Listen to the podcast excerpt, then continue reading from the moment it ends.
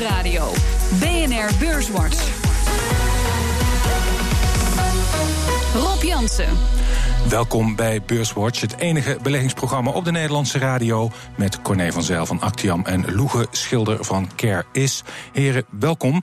Uh, vandaag is de Nationale Actiedag voor slachtoffers van Irma op Sint Maarten. De orkaan die de Cariben en de VS zo hard heeft getroffen. En dat terwijl de regio rond Houston nog in puin ligt van orkaan Harvey. Um, Corné, met jou te beginnen, die schade is heel groot. Hoe moeilijk of makkelijk kan de Amerikaanse economie deze klappen absorberen, denk jij? Nou, in principe is het wel te doen. Dit zijn grote bedragen. Dat hebben we met Katrina ook gezien. Dus in eerste instantie zie je gewoon heel veel uitval van productie en economie. Uh, winkels die er dicht zijn. Uh, van de 493 Walmart waren er bijvoorbeeld na uh, maar, maar vier open. Ja, dat is allemaal economische productie die er gewoon dus niet is. Bovendien heb je dus alle schade nog. Ehm, waarvan een gedeelte door de verzekering gedekt wordt en een gedeelte niet. Nou, het eerste wordt natuurlijk vrij makkelijk vergoed en zal worden herbouwd. Nou, die herbouw is natuurlijk weer een duidelijke plus. Maar hetgene wat niet verzekerd is, ja, dat gaat wel heel erg moeilijk worden. Dat betekent dat die mensen moeten interen in hun eigen vermogen of spaargeld, als dat er al is. Hmm. En, en, zo niet, dan gebeurt het gewoon niet. Ja. Uh, Loege, als je kijkt naar Amerika, dan heeft uh, Janet Yellen, net als uh, Mario Draghi, een probleem van hoe gaan we de rente verhogen in de toekomst. als je dan kijkt naar deze schade en de problemen die dat toch wel op gaat leveren, in ieder geval op korte termijn, denk ik. Dit is denk ik niet het eh, moment waarop zij eh, een volgende stap kan zetten in de renteverhoging, denk ik. Of hoe zie jij dat? Nee, ja, dit helpt natuurlijk niet. Eh, de lagere economische groei die je als gevolg van deze schades gaat zien, ja, dat, dat, dat zorgt er in ieder geval voor dat het op korte termijn niet kan. de laatste cijfers in Amerika waren sowieso al uh, reden om de renteverhogingen wat rustiger aan te doen. Mm, ja. Overigens ga je wel inflatie krijgen natuurlijk. Hè. Ja. Eh, de benzineprijs is daar met drie dubbeltjes gestegen. Dat betekent 30 miljard extra kosten voor de gemiddelde Amerikaanse consument. En dat is echt inflatie. Dus het is een beetje tegenstrijdig dat het minder economische groei hebt, maar wel tijdelijke inflatie. Um, en dat is waarschijnlijk, waarschijnlijk zullen alle economische berichten zijn ja, maar dat komt door de orkanen en dat gaat wel weer weg. En dat zal waarschijnlijk ook bij deze inflatie zijn. Dus Janet Yellen zal zeggen: ja, dit is tijdelijke inflatie, je kan nog wel even wachten. Ik denk het wel. Ja. Um, uh, er is nog een andere reden om misschien wel wat voorzichtig te zijn met die uh, renteverhoging. Als we naar kijken naar de winkelverkopen vandaag, was niet alleen een tegenvalletje, want hij is uh, gedaald in augustus vergeleken met de maand daarvoor. Maar in juli is hij ook naar beneden bijgesteld. De plus van 0,6 is naar 0,3 procent gegaan. Um, het gaat sowieso misschien wel niet zo lekker met die Amerikaanse economie. Loegen. Nou ja, de Amerikaanse economie kreeg uh, een boost toen Trump gekozen werd en zijn plannen aankondigde. Ja, in de periode, in de afgelopen periode is toch gebleken dat Trump heel veel moeite heeft om die plannen uh, in de praktijk te brengen. Hm. Uh, toch weinig steun voor, voor de belastingverlagingen, de, de, de zorgwet die er niet doorkwam. Nou, daardoor uh, hebben we toch, is dat vertrouwen weer wat, wat teruggelopen. En, en dat zien we terug in de economische cijfers. Ja, um, Overigens, we, hebben, we kijken nu heel erg naar Amerika. Maar als we nou even kijken naar ons eigen perspectief, hebben wij ook niet een verplichting, Corné, jegens eh, Sint Maarten. Wat, zou dat de Nederlandse overheid nog veel geld kunnen gaan kosten?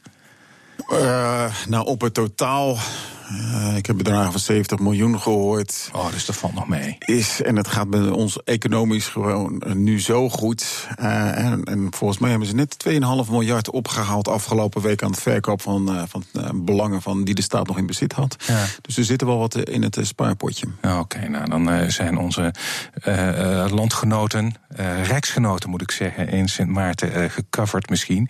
Um, laten we eens kijken ook naar onze Britse vrienden. Um, die hebben zo hun eigen zorgen. Ook daar speelt de vraag: moet de rente wel of niet omhoog? Dat was deze week, gisteren, als ik het wel heb, een, een uh, uh, beslissing van de Bank of England. Dan hebben ze besloten om het nog niet te doen. Wel gehint om het wel te doen.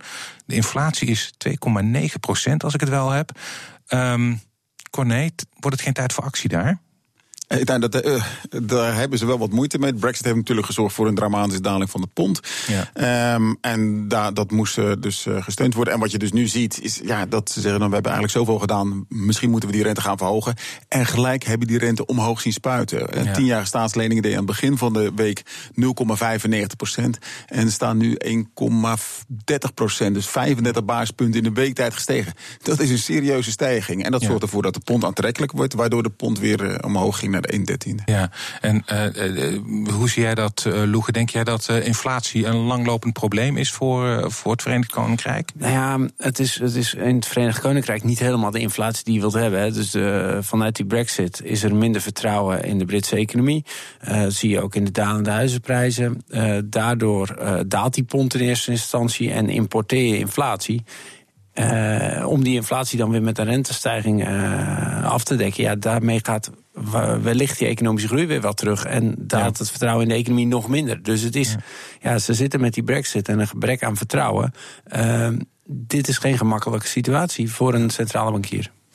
En zolang die onduidelijke situatie blijft hoe die Brexit daadwerkelijk ingevuld zal worden, blijft ook de onzekerheid bij al die ondernemers. En die gaan dus niet investeren. En eh, je zag afgelopen week ook Toyota die zegt: Nou, ik weet niet of onze volgende investering nog wel in de UK zal zijn. En als dat maar voortdurend door blijft gaan, blijft dat op die economische groei drukken. Ja, dat lijkt me een, eh, een, een lastig probleem. Dus betekent dat ook van, eh, even concreet voor beleggers, uh, maar even wegblijven uit het Verenigd Koninkrijk? Nou, 75% van de beursgenoteerde bedrijven, van de omzet daarvan, uh, vindt buiten de UK plaats. Als je naar de FTSE 100 kijkt. Dus, en ja, dus daar heb je eigenlijk een, een, een, natuurlijke compensatie. Dus die lagere pond uh, is, ja, doet 100% pijn in je portefeuille. Maar voor 75% word je, procent word je dus gecompenseerd in stijgende winsten. Uh, dus een heel veel van die problemen zijn al in de koers verdisconteerd. Ja, en uh, is, geldt dat, kijk jij er op dezelfde manier naar? Nou ja, als je ergens een bepaald risico ziet. wat je niet helemaal kunt overzien. Ja, dan, ja. dan kun je er ook natuurlijk gewoon wegblijven. Hm, ja. Over risico, dan wil ik eigenlijk nog even terug naar die, die, die orkanen. Um, heeft natuurlijk ook een enorme impact voor verzekeraars. Wat moet je daarmee als belegger? Corné?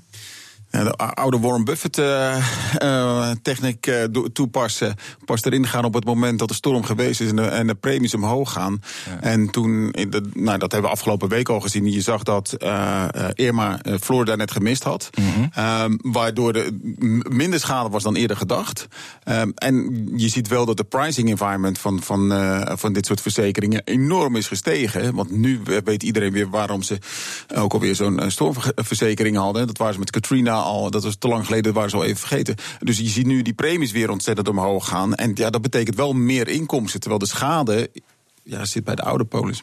Ja, dus, het is heel goed om er nu in te gaan. En daarom zie je die herverzekeraars nu alweer flink stijgen. En, en die zitten ook wel in de koers verwerkt. Mm -hmm. En de herverzekeraars kunnen ze ook goed dragen. Ja, ja. kortom, uh, voor die verzekeraars uh, niks aan de hand eigenlijk. Of, nou, alles wat je moet weten zit in de prijs inderdaad. Zoals. Ja, Oké.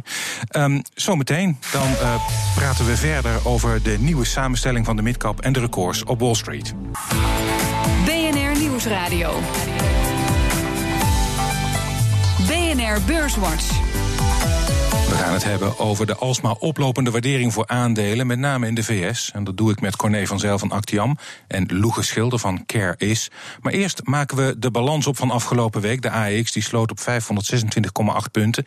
Dat is anderhalf procent hoger dan vorige week. Stijgers. Op weekbasis waren dit de drie beste aandelen. Alberts Industries was de grootste stijger in de AEX met een plus van 3,6 procent. Philips kreeg er 3,5 procent bij. En SBM Offshore 3,3 procent hoger gesloten. En in de midcap was het best presterende aandeel deze week Philips Lighting met een plus van 5 procent. Dalers. dalers. De grootste dalers in de AEX. Unibail Rodamco verloor 2 procent in een week. Vopak 0,7% lager en op plek 3, toch een beetje verrassend. Uh, Heineken min 0,3%, dus maar een klein minnetje. En in de midcap was deze week uh, Refresco de grootste daler met een min van 2%.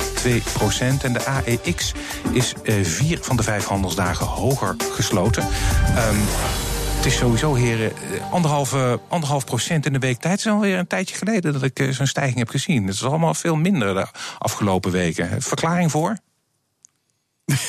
nee, niet echt. Niet echt. Niet echt. Nou, um, misschien wel. Voor, nou, het is, het is natuurlijk heel lang heel uh, kleine bewegingjes geweest. Ja. Nou, vorige week uh, zei Draghi toch dat hij uh, wat voorzichtiger is met het verhogen van de rente. Nou, ja. op zich vinden beurzen dat fijn. Het kwam er niet gelijk uit, maar misschien een, een soort nasleep van die conferentie. Ja, dat zou kunnen. Um, misschien wel een idee bij Unibail Rodamco. Um, dat is de grootste daler in de AX van deze week. En ik zie ook wel in mijn portefeuille, die ik uh, wekelijks bespreek, Jansen Belegd, dat vastgoed het best wel moeilijk heeft. Ja, dat um, best. Uh, ja, Corné, uh, verklaring? Wel, Ja, je da- dat is puur de rente. Als je naar de tienjarige eh, Bund kijkt, die is eh, deze week met 10 basispunten gestegen. Dus een stijgende rente is eh, simpelweg goed voor banken, slecht voor onroerend goed. Dus eh, eh, toen jij me erop attent maakt, heb ik nog eventjes een grafiekje gedraaid. En je ziet echt een één op één correlatie. Ja. Het is een, eh, standaard Pavlov-reactie. Als de rente maar een beetje stijgt, wordt het één op één. eh, dat zie je helemaal dit jaar. eh, gewoon in onroerend goedfondsen doorvertaald. Die grafiek die gaan we ook trouwens eh, op bnr.nl zetten die je hebt gemaakt. Eh Loege, ehm, is dat voor jou een reden om te zeggen tegen jouw klanten van nou jongens, vastgoed, eh, laat maar even zitten? Nou ja, wij hebben, wij hebben vastgoed in, in, eh, op het standaard gewicht in de portefeuille. Eh, in het verleden hebben we ze overwogen gehad, maar al een, anderhalf jaar geleden, toen die rente echt op een minimum stond, hebben we dat afgebouwd. Omdat de rente toen niet verder kon dalen in onze optiek. Goed, dat is altijd een lastig statement, maar toen hebben we vastgoed afgebouwd en het is niet zwaarder teruggekomen. Nee, nee. Ehm, een andere opvallende eh, stijger, of opvallend, dat staat vaak in het lijstje. Eh, Philips Lighting, deze week eh, dus met 5% de grootste stijger in de midcap. Maar Corné, dit jaar al 41%. Niet slecht. Ja, het was een beetje het lelijke eentje toen het naar de beurs toe kwam. Ja. En de oude wetmatigheid, als Philips het verkoopt, kan je het maar beter kopen, is weer opgegaan. Eh, Helaas voor Philips. Maar ze hebben nog wat stukken, dus dat scheelt. Ja. Eh, en deze week komt het vooral natuurlijk eh, door de indexopname in de FTSE World Index. Ja. En dat betekent dat er op het slot van vrijdag dus ongeveer drie keer het normale dagvolume werd gekocht. En in aanloop daarvan zijn mensen het al gaan kopen. Dus ik denk dat dat de belangrijkste verklaring is waarom het deze week zo prachtig heeft gedaan. En intussen de, de, de verklaring voor het hele jaar is dat ze gewoon hele mooie resultaten hebben laten zien, beter dan verwacht. En de concurrentie GE die uit Zuid-Amerika is teruggetrokken. Ja. En er is er nog eentje die in die FTSE World Index is opgenomen. Nog een Nederlands bedrijf, Corné ASR. Ja, inderdaad. En daar kwam helemaal. Er werd een verwachte vraag van zeven keer het eh, normale dagvolume. Ja. Maar de, de Nederlandse staat zag dat ook. En denkt, nou, als het er dan zoveel vraag is, dan kunnen wij wat aanbieden. Dus die hebben Ja. 20% van hun belang het laatste stukje geplaatst. Ja. Tegen een hele minimale discount hebben ze heel netjes gedaan. Ik denk uitermate goed getimed. Dus op het ministerie van Financiën mochten we fles champagne wel open, denk ik. Hebben ze heel goed gedaan. Ja, maar eh, onder de streep nog wel een verliesje van 100, euro, geloof- 100 miljoen euro, geloof ik. Hè, op de... Ja, maar het is er ook maar hoe je de rente berekent. Ah, Oké. Nou ja, en ook, ook goed, eh, goed om te zien dat ze die overname doen. Hè. Daarmee eh, bouwen ze toch aan schaalgrootte en kunnen ze op enig moment eh, de, de concurrentie aan met de grotere verzekeraars. Ja. Ah, Interessant aandeel ook, eh, vind jij, ASR? Of- Nou Ja, ze zijn natuurlijk nu wel wat duur. eh, Maar goed, er zit, er zit wel potentieel in ieder geval in de, in de strategieontwikkeling. Hm. Ja, als je naar de relatieve koers-winstverhouding kijkt, dan doen ze nu 20% discount ten opzichte van de totale markt. En daarmee zijn ze op het duurste punt sinds een beursintroductie gekomen. Dus ik Ja. hou niet zo van dure aandelen. Nou, daar, daar, blijft wat, daar gaan we toch nog even eh, wat eh, dieper over hebben. Want eh, Wall Street ging deze week ook van record naar record. Het lijkt eigenlijk helemaal niet op te kunnen. Beleg, beleggers hebben blijkbaar nog geen last van hoogtevrees. Ehm, aan de andere kant is er een indicator, de Schiller PE. Dat is een indicator eh, die aangeeft hoe duur de aandelen in de SP 500 zijn. Die staat wel torenhoog, Corné.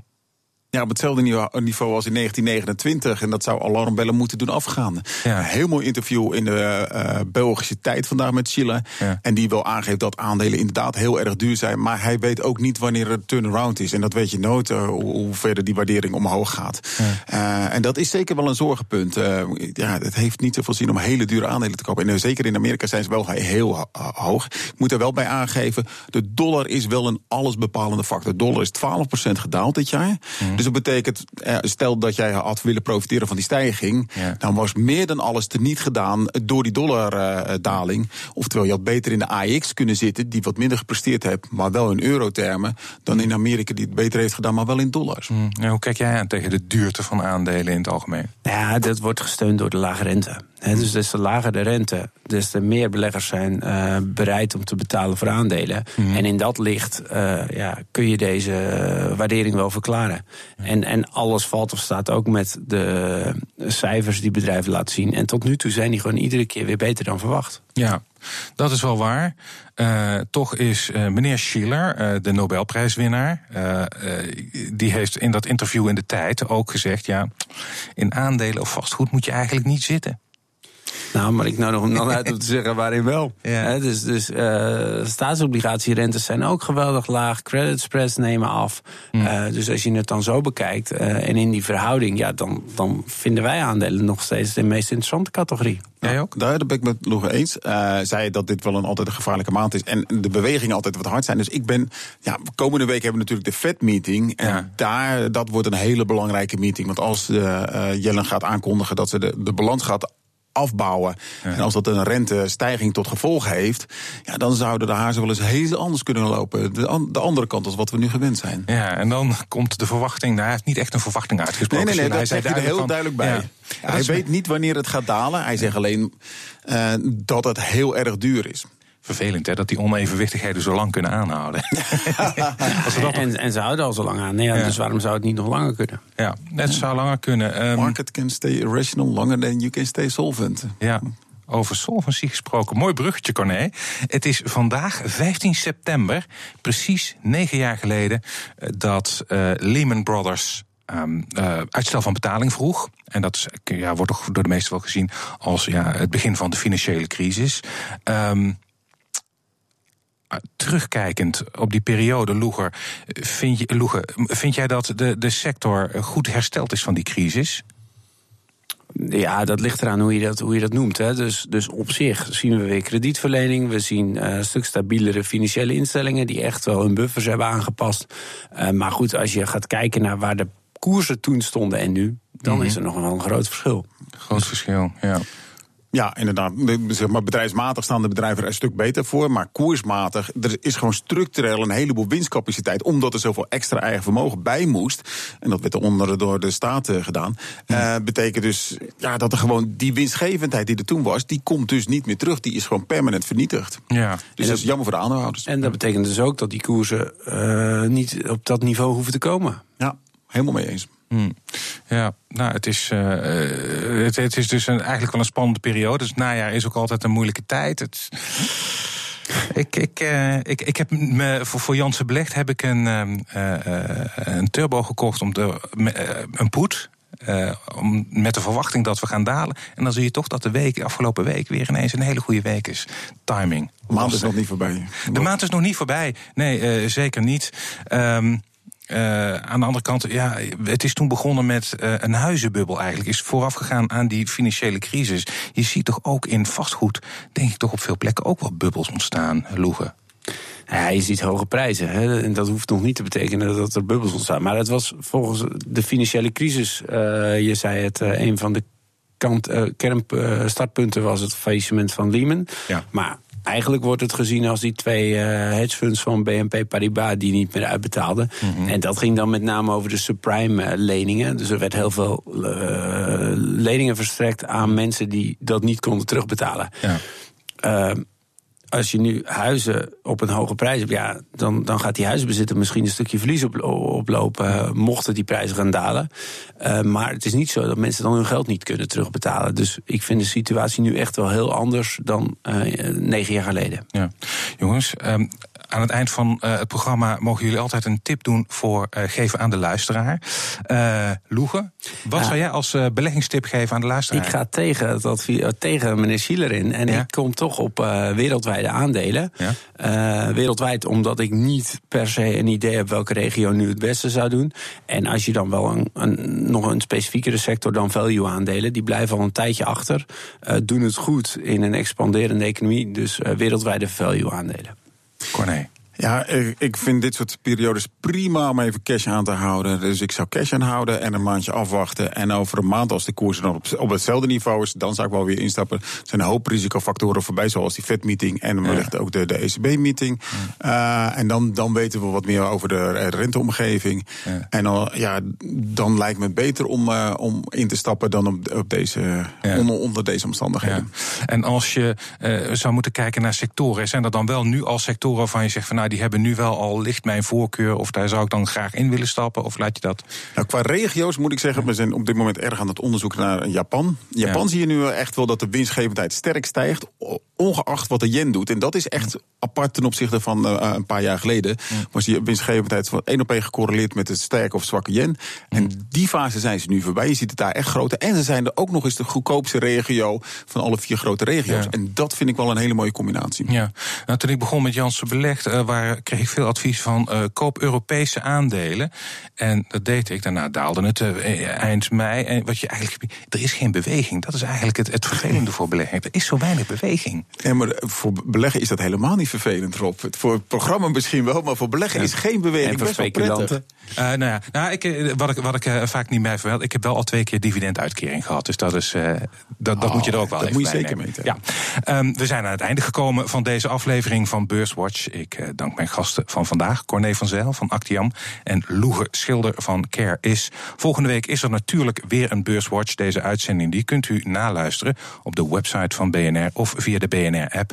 En heeft u nog vragen, dan kunt u een tweet sturen naar Rob Jansenbeurs of @bnr. Dank voor het luisteren.